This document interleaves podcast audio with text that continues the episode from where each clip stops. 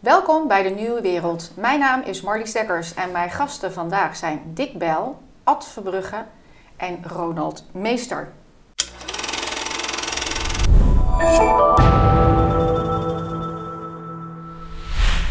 Welkom.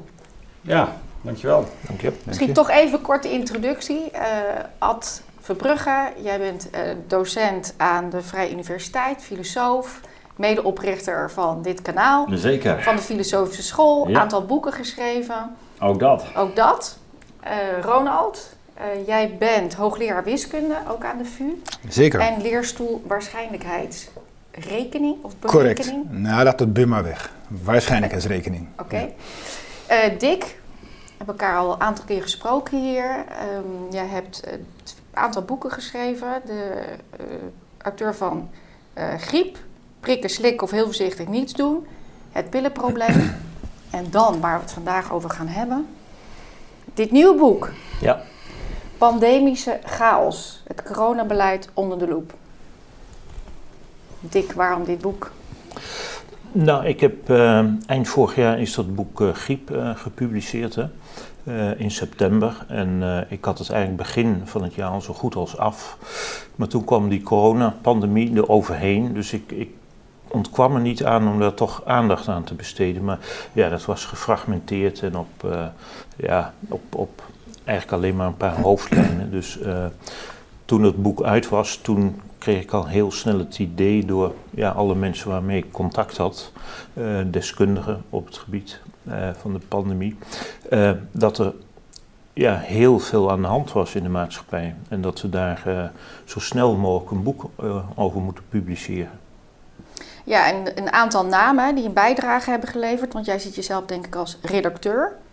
Ja. En je hebt zelf ook een stuk geschreven. Maar Matthias de Smet, Robin Fransman, Michaela Schippers, Hans Kopies, Armand Geerbes, spreek ik Ja, dat goed uit? ja. Bob de Wit, om een aantal namen te noemen. Ja. Ehm, die hebben een bijdrage geleverd, want jij vindt het volgens mij belangrijk dat we het uit van verschillende standpunten bekijken. hè? Jij, jij vindt dat het eigenlijk een beetje te gefocust de problematiek is neergezet. Ja, en dat is ook eigenlijk een beetje de reflectie van eh, ja, de leden van het OMT. Die weerspiegelen niet, eh, ja, laten we zeggen, de, de maatschappelijke gelaagdheid, eh, met name in de wetenschap.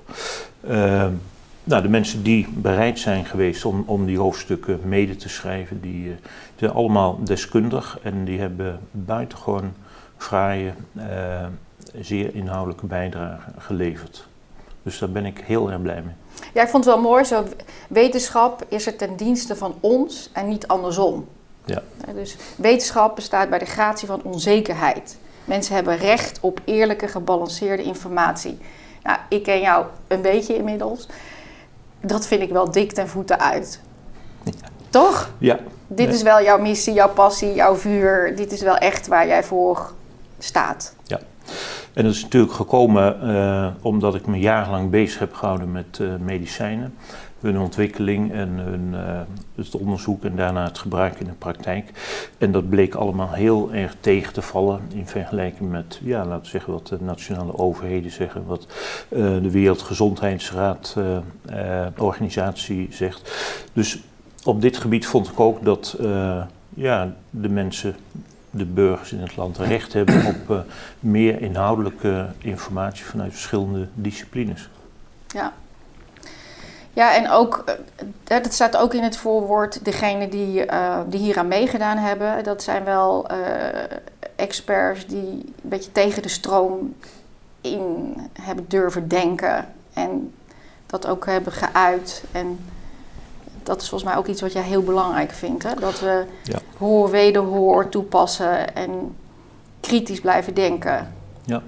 Ja, dat is absoluut waar. Eh, het voorwoord is overigens geschreven door eh, Wendy eh, Mittermeijer. Hè. Zij is eigenlijk afkomstig van de farmaceutische industrie. En zij legt een hele mooie brug tussen, ja, zoals zij erin staat, en hoe zij het boek heeft gelezen. Dus dat was een hele goede, verbindende, verbindend eh, voorwoord. Nou, Ronald, naar jou. Jij hebt ook een bijdrage geleverd. eh, het inschatten van risico's. Nou, volgens mij hebben daar de kranten vol van gestaan. Ja. Dus de- iedereen heeft ook het idee gehad, denk ik, dat hij daar eh, toch eh, verstand van had. Eh, dus en, en, en hoe, hoe zie jij dat? Hè? Jij hebt jezelf onder andere de vraag gesteld: hoe gevaarlijk is het virus nu eigenlijk? Nou ja, dat, dat lijkt mij zelf een vraag die eigenlijk overal aan, eh, aan vooraf gaat. Waar hebben we het eigenlijk over? En daar, ja, daar, daar zijn heel veel, daar leven heel veel misverstanden, en nog steeds. Dus als je nu vandaag de dag nog bijvoorbeeld op de website van het RIVM gaat kijken, dan lees je nog steeds dat de, eh, de fatality rate, hè, dus dat is eigenlijk de kans dat je aan corona zou overlijden als je besmet raakt, eh, tussen de 1 en 1,5 procent ligt. Ehm, eh, als dat waar zou zijn, eh, dat, dan zou het een, een, zeer, eh, een zeer ernstige zaak zijn. Ehm, maar een, een, een vrij eenvoudige analyse van, van, van de cijfers in Nederland laat zien dat die cijfers, dat dat getal in Nederland voor het grootste gedeelte van de bevolking ongeveer een factor 100 te groot is. Ehm, en ik ben natuurlijk niet de enige eh, die, daarnaar, die daarnaar heeft gekeken. Eh, dus ook internationaal in Oxford en eh, bijvoorbeeld Ioannidis, een, een toonaangevende epidemioloog. En die komen allemaal tot cijfers die van dezelfde orde van grootte zijn. Dus daar gaat het om, hè? dus dat soort cijfers. En welk cijfer is het dan? Ja, dat is niet goed vast te stellen, want dat, dat hangt heel erg af naar welke bevolkingsgroep je kijkt. Bedoel je dan leeftijd? Of eh, leeftijd, of- eh, leeftijd is heel erg belangrijk, eh, maar je lichamelijke fysieke conditie is ook enorm belangrijk. Dus er is een, echt een enorm verschil in het gevaar van het virus voor mensen onder de, laten we zeggen, ze- 60, 70. En onder de 40 hebben we het helemaal nergens meer over. En mensen die boven de 80 zijn en ook nog eens hè, op een andere manier een kwetsbare gezondheid hebben. En, en die verschillen zijn echt enorm. Hè. Dus voor mensen, de- dus, dus ik, heb, ik voor de grap eens mijn eigen situatie ingetikt in de calculator die ze in Oxford hadden ontwikkeld. En dan komt er voor mij, hè, ik, ben 57 en verder gezond. Dus daar komt er voor mij eens een kans uit. Ik weet het niet eens meer, maar die is zo klein dat ik, dat ik me daar niet heel veel zorgen om zou hoeven te maken. En dus dat zijn de getallen waar het om gaat. Maar in, ons, ja, in, in, ons, ja, in onze collectieve beleving van wat, wat er aan de hand is, is, is, is het allemaal veel gevaarlijker. En dat is denk ik veroorzaakt natuurlijk door de beelden die we in eerste instantie kregen uit het buitenland. En met name Bergamo. Dus, eh, dus dat is daar wel gebeurd. Ja, dat is eh, dus eh, hoe gevaarlijk is het virus? En het andere wat je afvraagt, wat is de kans op overlijden als je besmet wordt door Ja. coronavirus? Ja, nou ja, dat, dat is een beetje, ja, hoe gevaarlijk is het virus? Hoe moet je dat kwantificeren? En welke, Daar ga je de dood aan of wat? Zeker, hè, dat, dat soort zaken, dat, die worden, dat, dat wordt dan belangrijk. En natuurlijk, er is ook sprake van, hè, wat is de kans dat je bijvoorbeeld hè, op een gegeven moment was long covid heel erg, eh, heel erg van belang. Dat zou Daar horen we ook weer minder over. daar hoor je dan een tijdje weer minder over. Hè. Dus er is een hyperfocus en bijna een obsessie, zou ik bijna willen zeggen, op de risico's die met corona samenhangen. Terwijl in mijn, in mijn bijdrage heb ik het vergeleken bijvoorbeeld met andere risico's die wij met ons allen eh, lopen, zonder dat we daar ook maar één moment bij stilstaan. En die risico's zijn heel vaak een stuk groter.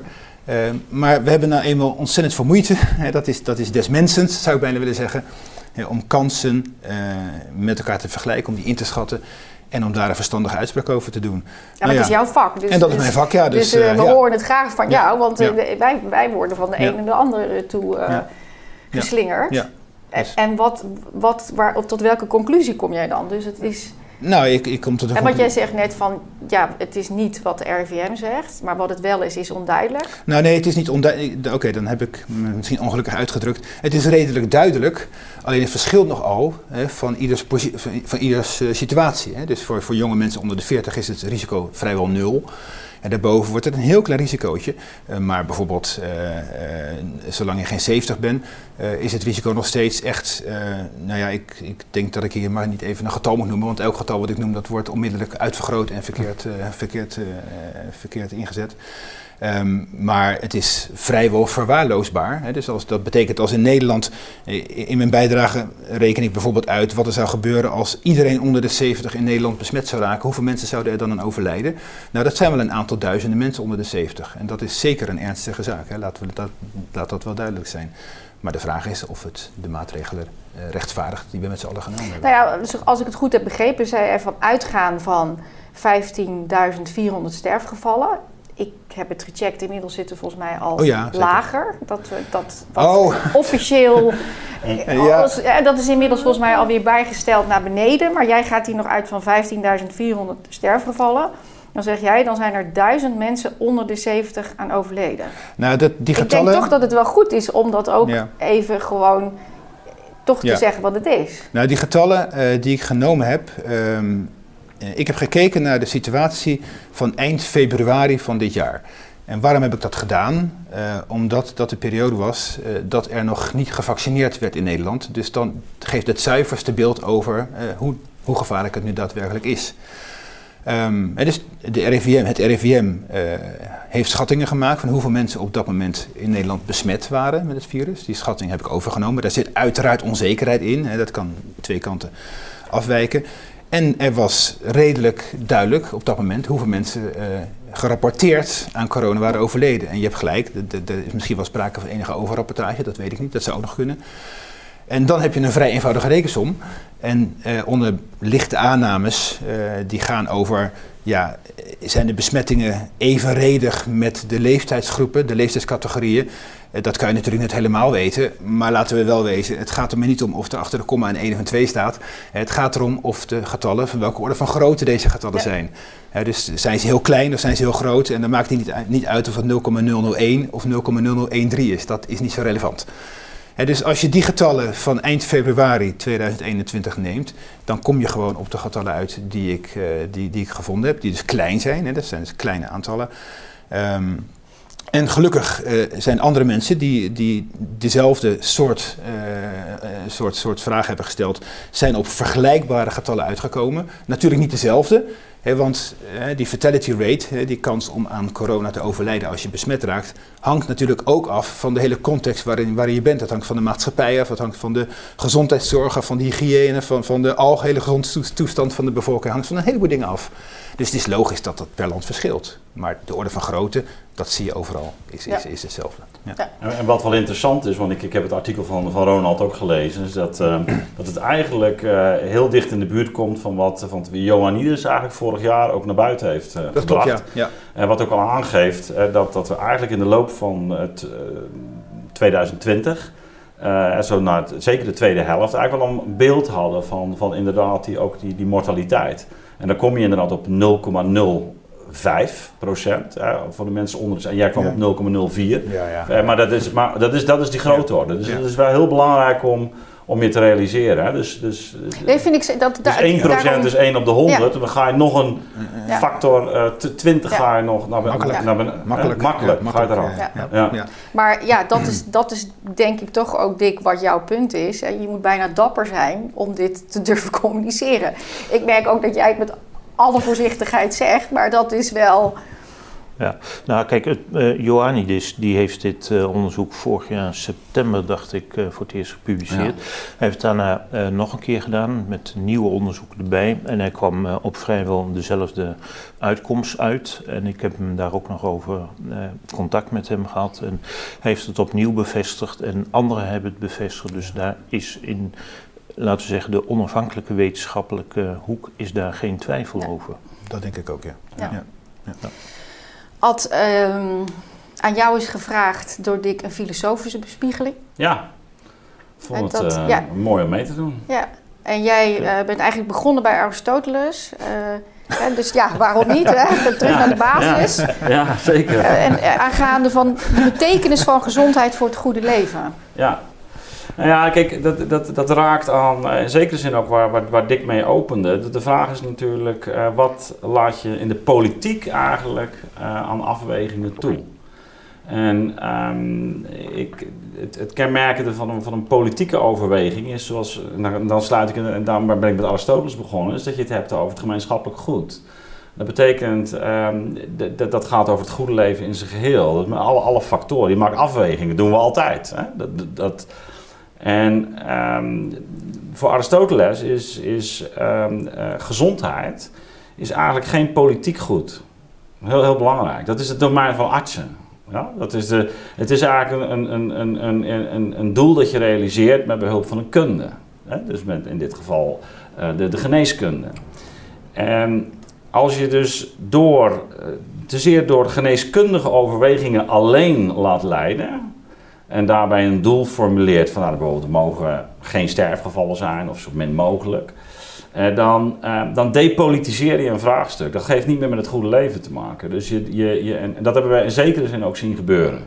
Hè, dus de, de nadruk eigenlijk op een toch vrij sterk eh, eh, geneeskundige. En dan kun je nog vragen in welke zin, hè, want dat is dan het vervolg van mijn. Is dit wel een echt geneeskundige? Hebben we echt wel naar gezondheid gekeken? En, dus, en dan zeg ik ook, nee, het is eigenlijk een technische. Het is een technische benadering geweest, waarin we op een goed moment als doel hebben, en dat heb ik vorig jaar ook al uh, ook in artikelen gezegd, uh, uh, een sterk idee hadden van we moeten een oorlog gaan winnen van een virus. Het virus plat slaan, dat hoor je ook steeds, verdrijven van het virus.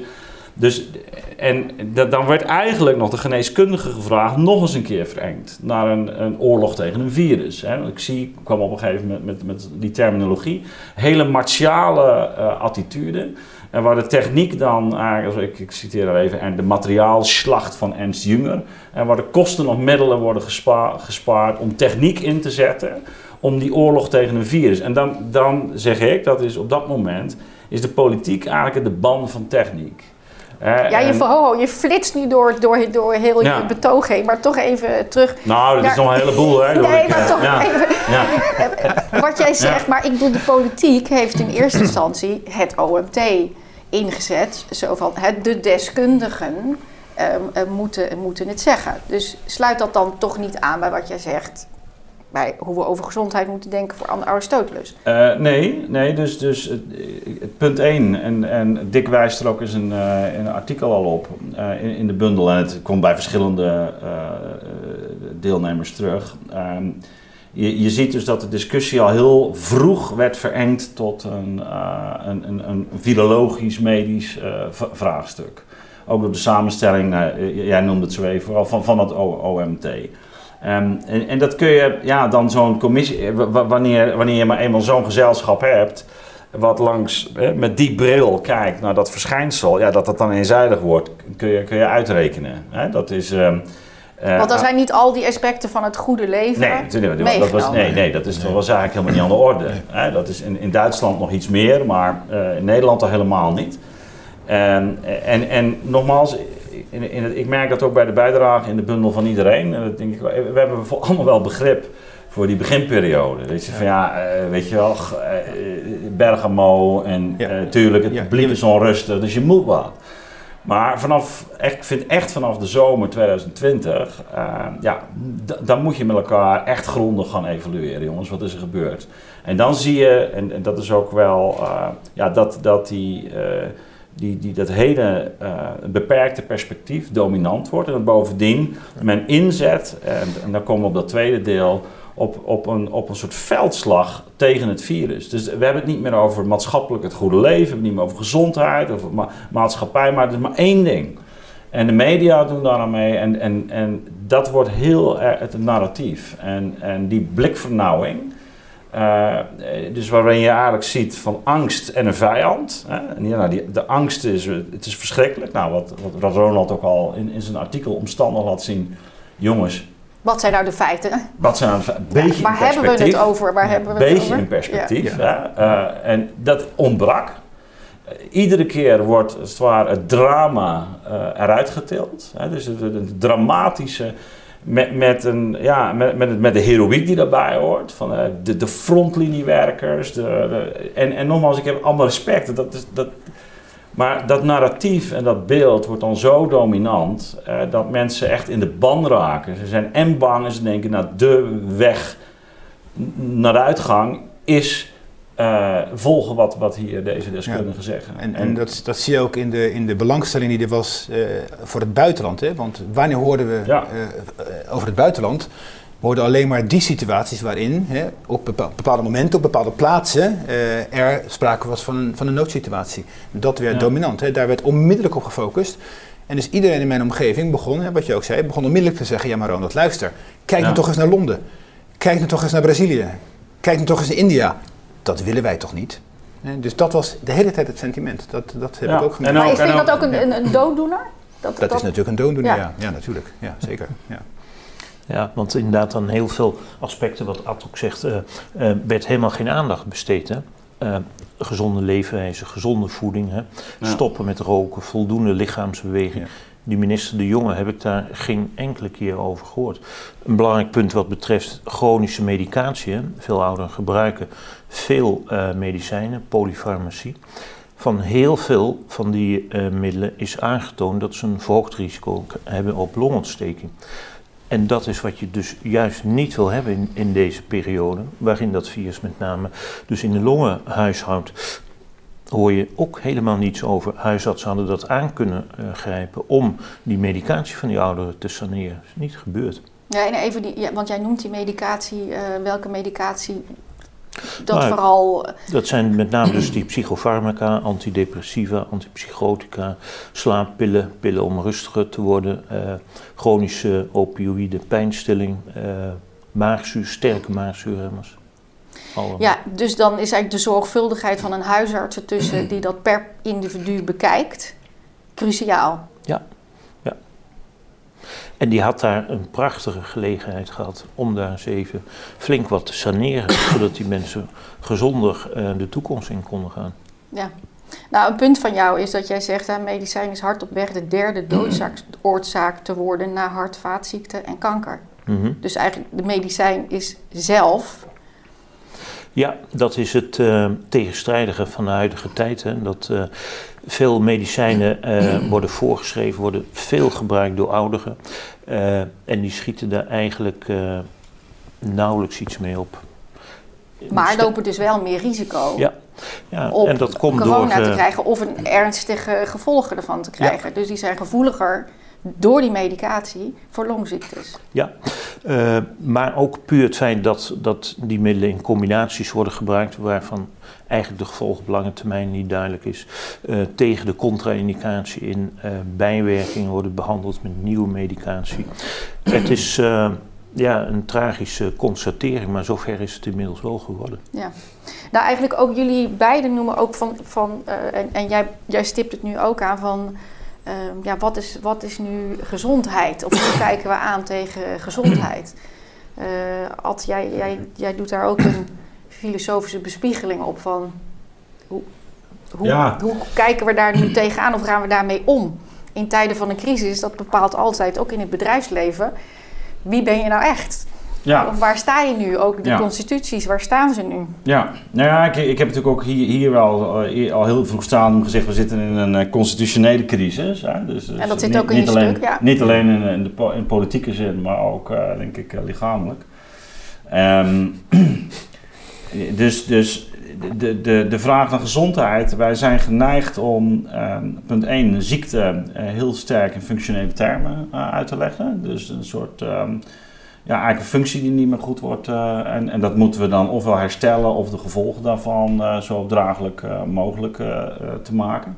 Terwijl je natuurlijk ook kan zeggen, ja, wat is überhaupt de weerbaarheid of de weerstand of de conditie van het hele organisme. Hè? Dus dat is een, je, kan, je kan een hartoperatie doen, kan ook zeggen, nou je moet meer gaan sporten. Om maar even heel simpel te zeggen. Nou, nou doen we dat wel enigszins. het is niet dat dat helemaal weg is, maar we hebben sterke de neiging om, om functioneel te denken. En het tweede is dat, ehm, ja, samen met de hele consumptiecultuur, ehm, eh, ja, mensen toch ehm, eigenlijk uh, in onvoldoende mate bezig zijn met het, het gezond houden van hun, van hun lijf en leden. En dat is natuurlijk deels een psychologische aangelegenheid. Gewoon, we hebben niet te veel stress, maar anders, hoe leef je? Dus het is ook geestelijke gezondheid. Hè, van, van wat voor prioriteiten stel je? Uh, leefstijl. Dan komen we van de gewoonte, de voeding. Nou, ook wat we hier eigenlijk ook allemaal ter tafel. En dat is een thema wat, wat eigenlijk helemaal niet aan de orde is geweest. Vrijwel niet aan de orde. Nou, Dick refereert er eigenlijk ook al aan. En ik, eh, ja, wat, wat mij interesseert is, ook als cultuurfilosoof, hè, dus, van, als je dus in een, in een wereld leeft waar, je, waar technologie op allerlei manieren een bepaalde leeftijd faciliteert waarin zich op een goed moment problemen gaan uh, voordoen. En dat we kennelijk niet meer in staat zijn om naar die leefstijl te gaan, maar zeggen: oh nee, er moet een oplossing komen voor, voor dit probleem.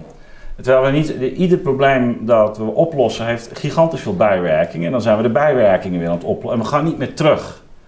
En, en, het artikel heet dan ook de weg van de minste weerstand. Hè. Het, is, een hele industrie die hier natuurlijk ook zelf uh, nou ja, garen bij spint. Aan de ene kant de voedingsindustrie die, die ze ziek maakt, voor een deel, hè, niet, niet alleen, maar, maar toch. Uh,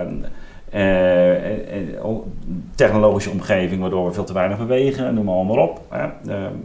En aan de andere kant dan een farmaceutische industrie die dan de middelen levert. En dan zit je in een soort cynische, dat je zegt van hey, we moeten misschien ons even een stap terug doen.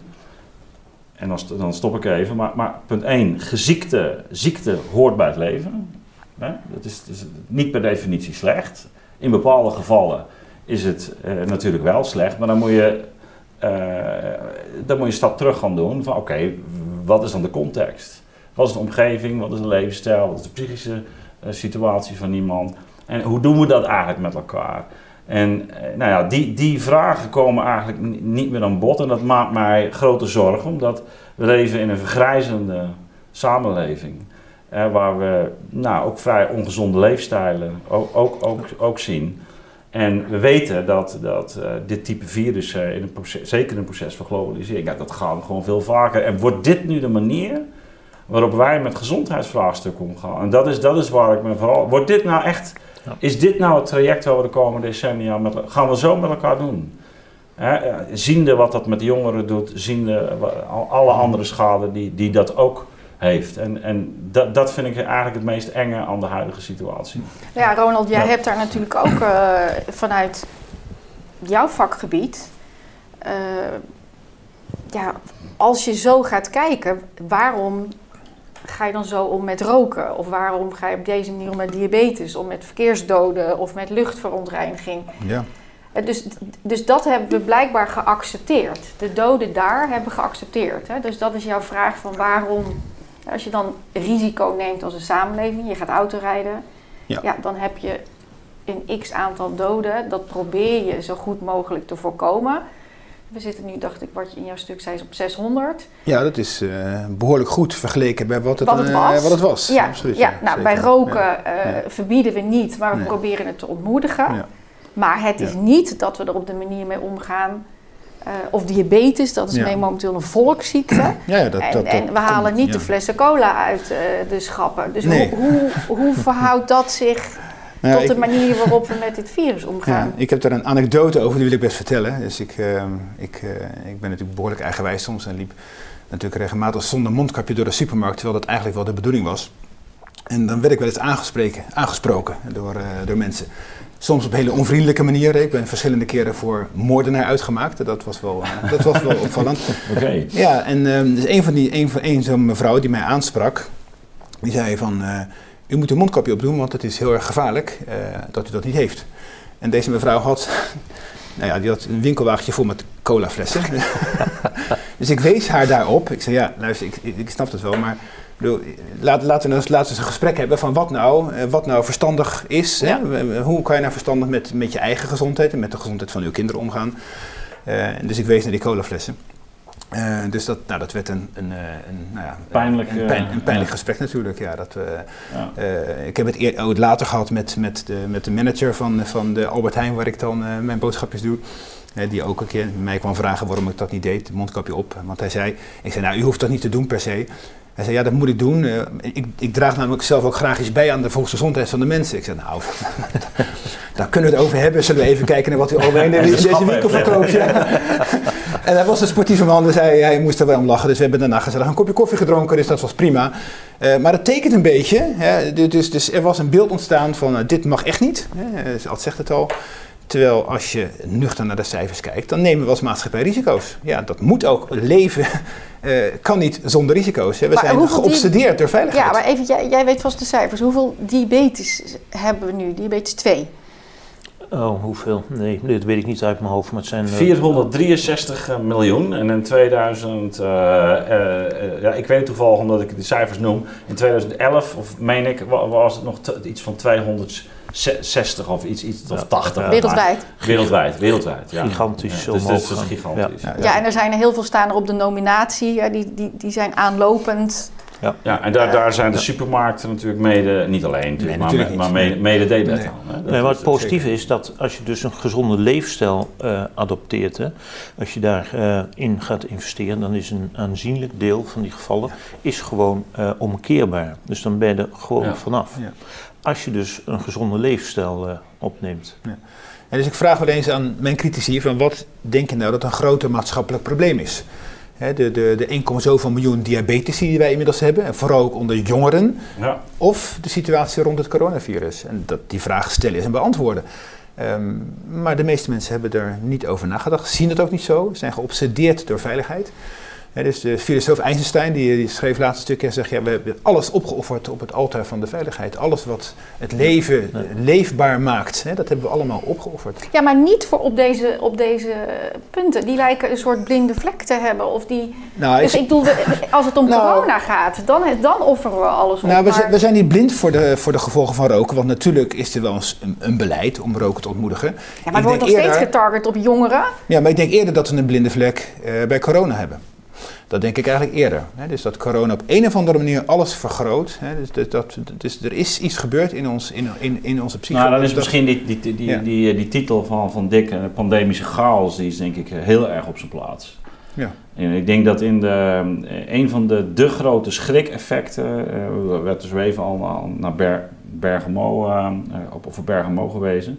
Eh, maar is, is denk ik de, de, de, de kracht van de korte ontregeling, waar je op geen enkele manier op voorbereid bent. En eh, vanaf dat moment eh, kreeg deze gebeurtenis, ik spreek zelf in het boek ook van een media-event of een pseudo-event, maar die kreeg, eh, die, die kreeg een, eigenlijk mythische proporties. Dus er- is iets heel eigenlijk, er- is een soort mythe is er doorgebroken. De- Deels ook door rampenfilms als Virus en zo, denk ik, ook al voorbereid.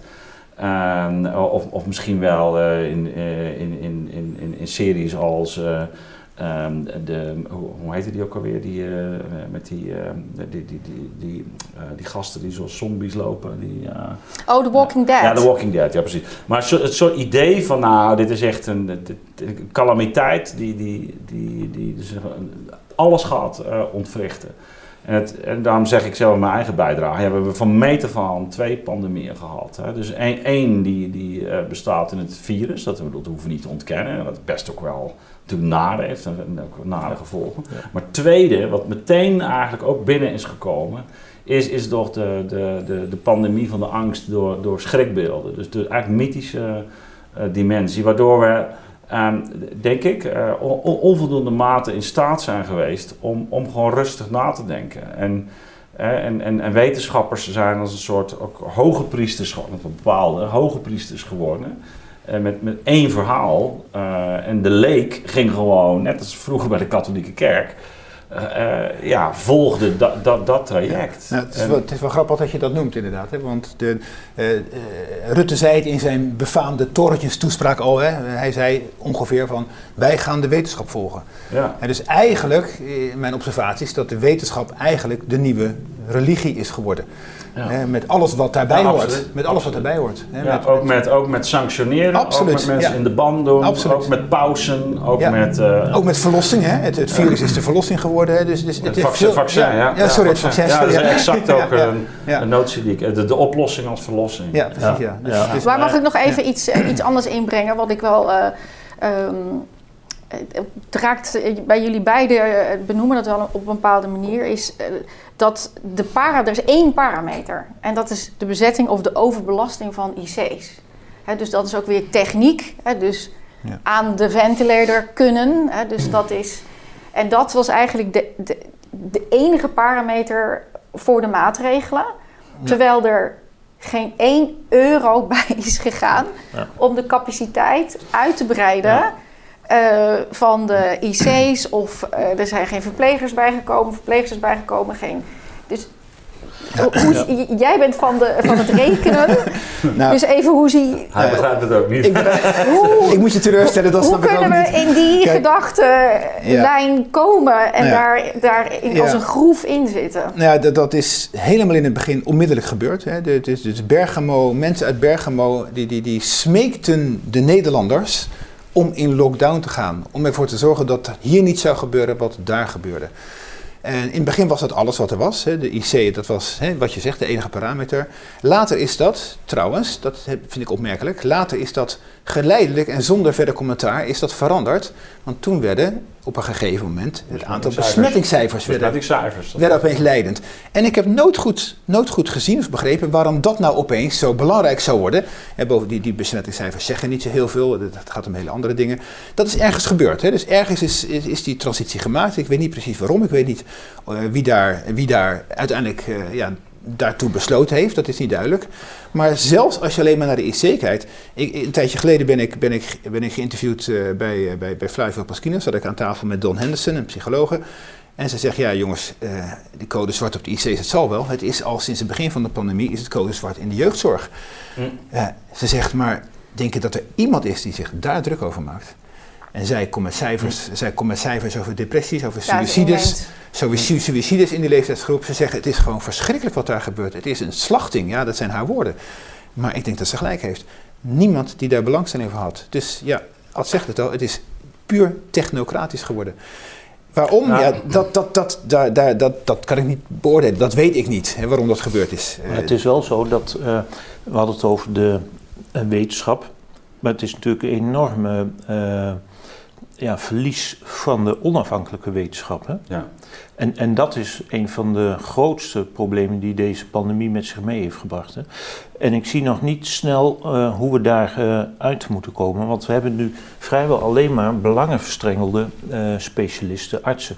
Dan die- kan je dat toch even toelichten, want dit is natuurlijk zo jouw Ja. terrein. En waar jij Ja. volgens mij al 30 jaar van je leven, of misschien nog langer, mee Ja. bezig bent. Dus jij zit zo goed in die verstrengeling. En ik denk dat veel mensen denken, ja, een expert is een expert. En als hij dat zegt, Nou goed, dat, dat is natuurlijk niet zo. Het is al de, de laatste twintig jaar werd geleidelijk aan steeds duidelijker dat onderzoek wat gesponsord is door een eh, fabrikant, hè, die dus belang heeft bij de uitkomsten, en waarbij onderzoekers meedoen die banden hebben, die, die dus financiële banden hebben met die fabrikant, dat die onderzoeken vaker een positief oordeel eh, vellen over het product van die fabrikant dan als onafhankelijke onderzoekers dat doen. Dus dat is bij herhaling vastgesteld en dat leidt tot een ongelooflijke bias, een vertekening van de uitkomst van de wetenschap. En dat is hier natuurlijk ook iets wat we bij die eh, coronapandemie hebben gezien. Dat, eh, en dan heb ik het niet eens over allerlei mensen die financiële slaatjes daar proberen te slaan, maar puur de wetenschappelijke beoordeling van de feiten. Eh, John Ioannidis, maar ook eh, Carl Henneken, Tom Jefferson van het Oxford Center for Evidence-Based Medicine, die hebben dat bij herhaling gewoon laten zien dat de zaken toch gewoon anders liggen. Maar daar wordt dus niet naar geluisterd en dat is het grote verlies van deze pandemie. Maar dat is wel iets wat in jouw boeken, in jouw vorige boeken, dus dat dat ook al eh, dat dat iets is wat aan het wortelen is. ja. Hè, dus dat was al waar jij op vlekte van pas op, want dit, dit begint zo te vermengen. Ja. En dat is ook een beetje tussen de eh, farmaceutische industrie en natuurlijk de ja, voedingsmiddelenindustrie. Dus er zitten allemaal vermengingen op, op, Ja. Op multinational Klopt. niveau. Maar het was dus al een aantal jaren. eh, de, nou, de collega's die ik genoemd heb in het dankwoord, maar ook de, de co-auteurs van het boek, die, die zeiden al, ja, eigenlijk de afgelopen tien jaar, het wordt steeds moeilijker om onze mening, onze artikelen gepubliceerd te krijgen. Dat er steeds minder eh, media zijn die daar aandacht aan willen besteden. En dat is natuurlijk toch wel heel erg belangrijk, want die onafhankelijke onderzoekers, dat is zo belangrijk omdat die geen belang hebben bij de uitkomst van het onderzoek. En die zouden veel meer gesponsord moeten worden natuurlijk. Door de overheid. Nou ja, wa- wat je ziet is eigenlijk nu ook de, echte keerzijde van wat we de netwerksamenleving eh, zijn gaan noemen. Waarin je, en dat, dat geldt overigens ook voor aantal politieke vraagstukken, waar we, of, of drama's ook die we gezien hebben, bijvoorbeeld eh, eh, recentelijk ook eh, met de toeslagenaffaire enzovoort. Maar dat je een vermenging krijgt van ehm, eh, enerzijds eh, eh, politiek met een wereld van bestuur, hè, bestuursorganen, dat kan alle, allerlei instanties zijn, dat kan bijvoorbeeld de WHO zijn of de. dus daar, daar connecties met daarnaast wetenschap, die er in, ook in dat, in dat geheel eh, meedraaien. En met daarnaast kapitaal. Hè? dus de kapitaalmacht, en kapitaal in marxistische zin, ook productiemiddelen, maar ook geld, gewoon de investeerders, de grote farmaceuten. En, maar dat is ook, het kan ook een militaire industrie zijn. En, en, tot slot media.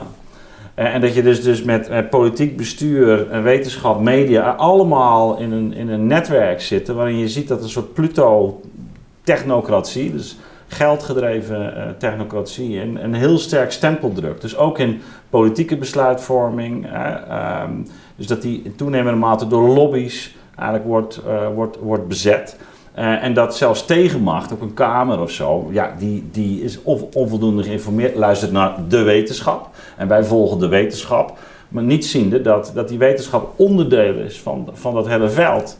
En, en de universiteit is, is, ja, is, is een van de aanjagers geworden van, van dat netwerk. Ja, dat, is, dat, dat realiseren mensen zich niet. Maar het is niet dat de universiteit een soort onafhankelijk instituut... Nee, die zijn ook afhankelijk van derde geldstromen, van uh, allerlei uh, van netwerken die wereldwijd gaan. Dus, dus er ontstaat gewoon een heel veld uh, waar, waar, waar, waar het ook moeilijk is om, om nog zoiets als een tegenmacht te, ja, of, of wat is de waarheid? Dat is jouw punt ook uit dat ook bij de overheid gewoon te weinig kennis zit om... Ja om door heel dit diffuse gebied heen te kijken. Ja, dat, dat is een dramatische constatering. Hè. In het parlement is geen uh, deskundigheid, geen inhoudelijke deskundigheid. In het Europese parlement niet, in de top van VWS is dat er niet. Ja, dus zitten die lobby's daar, en die hè, consultancybureaus. En dat maar die hebben hele andere Absoluut, agenda's. belangen natuurlijk, dat is duidelijk. Ja. Dus in, in, in, mijn stuk, in een van mijn, mijn bijdragen, Um, laat ik ook zien hè, dat, dat, dat, dat het, het is aantoonbaar dat, dat plaatjes, die, hè, de figuren die aan de Tweede Kamer uh, werden getoond hè, de, over, over, over de mm. pandemie, uh, die waren aantoonbaar onzinnig. Hè, wat daar stond, als je er verstand van hebt, dan zag je onmiddellijk dat dat niet waar kon zijn. Maar niemand, niemand in de commissie uh, die daar een vraag over stelde. Dus de conclusie kan niet anders zijn dat ze eigenlijk de gewoon de kennis gewoon niet hebben. Ze hebben gewoon idee, geen idee ja. wat er aan de hand was. Ja. En dat is toch wel, ja, dat is toch wel een hele droevige constatering. Ja, maar jij sluit ergens ook af in het boek van uh, neem het heft in eigen handen. Hè? Ja. Dus, maar ja, ik denk dat mensen, ik doe, de overheid weet het niet eens. Maar ik vond die Oxford-calculator, uh, jij noemde, refereerde er zelf ook naar van dat jij dat Kunnen zelf... we die even verspreiden? Ja, dat, dat wil natuurlijk iedereen. Dus misschien kan je even uitleggen, wat is dat? En iedereen wil natuurlijk wel zijn eigen kansberekening uh, ergens in kunnen kloppen. Ja, nee, dat, die, die calculator die is, die, die kan niet klinisch gebruikt worden. Dat zeggen de ontwerpers gelukkig ook zelf heel duidelijk. Het is, het is alleen maar een, een, een tool wat je, wat, wat je kunt gebruiken om een idee te krijgen. dus wat je doet, ik, heb dat, ik zei het net al, je, je, je kan er naartoe gaan. Je kunt je eigen medische uh, zaken kan je aanvinken wat je wel en niet, uh, wat je wel en niet hebt. Of wat je, uh, hoe, hoe, gezond je verder leeft. En dan komt dat ding met een, met een, met een, met een, met een, een inschatting. Ja, waar is het op gebaseerd? Ja, luister, waar zijn dat soort kansen op gebaseerd? Dat weet ik ook wel. Als, als je naar de arts gaat en die zegt, ja, u heeft dit en dat. En dan zegt die dokter, maar uh, wat betekent dat voor mij? Nou, wat kan de dokter dan zeggen? Die kan alleen maar zeggen: ja, in zoveel gevallen die ik gezien heb, is het zo vaak goed afgelopen, zo vaak verkeerd afgelopen. Dat zijn globale statistieken die hebben te maken met dat je één van de velen bent. Maar ja, we zijn individuen, hè, dus we zijn niet één van de velen. Dus, dus je kunt dat nooit onmiddellijk op jezelf betrekken. Dus ik, ik, ik, ja, maar dus ik, one size fits all bestaat, bestaat niet. Bestaat maar dat is nee. wel hoe nu dit wordt aangepakt. Ja. dus dit, dus. Uh, Dick, misschien een beetje richting afsluiting. Uh, we moeten allemaal dat vaccin nemen. Uh, dat is de one size fits all. Er wordt niet mm -hmm. ingezet op wat we hier ook noemen van... Uh, misschien moeten we onze lifestyle aanpassen. Moeten we kijken hoe, hoe we bewegen, wat we eten. Ja. Misschien stoppen met roken. Um, wat vind jij daarvan, van de one size fits all? Ja, goed, dat is natuurlijk puur een epidemiologisch gegeven. Het gaat om het gemiddelde. En dat uh, probeert men op deze manier dan omhoog te krikken. Met aanvankelijk mogelijk een succes. Maar we zien dat succes uh, snel afbrokkelen nu. Dus mensen kunnen daar absoluut geen houvast aan ontlenen. Waar ze wel houvast aan kunnen ontlenen, dat is natuurlijk die gezonde leefstijl. Probeer minder medicijnen te gebruiken, probeer meer te bewegen, gezondere voeding te gebruiken, stoppen met roken. En dat kun je gewoon zelf doen.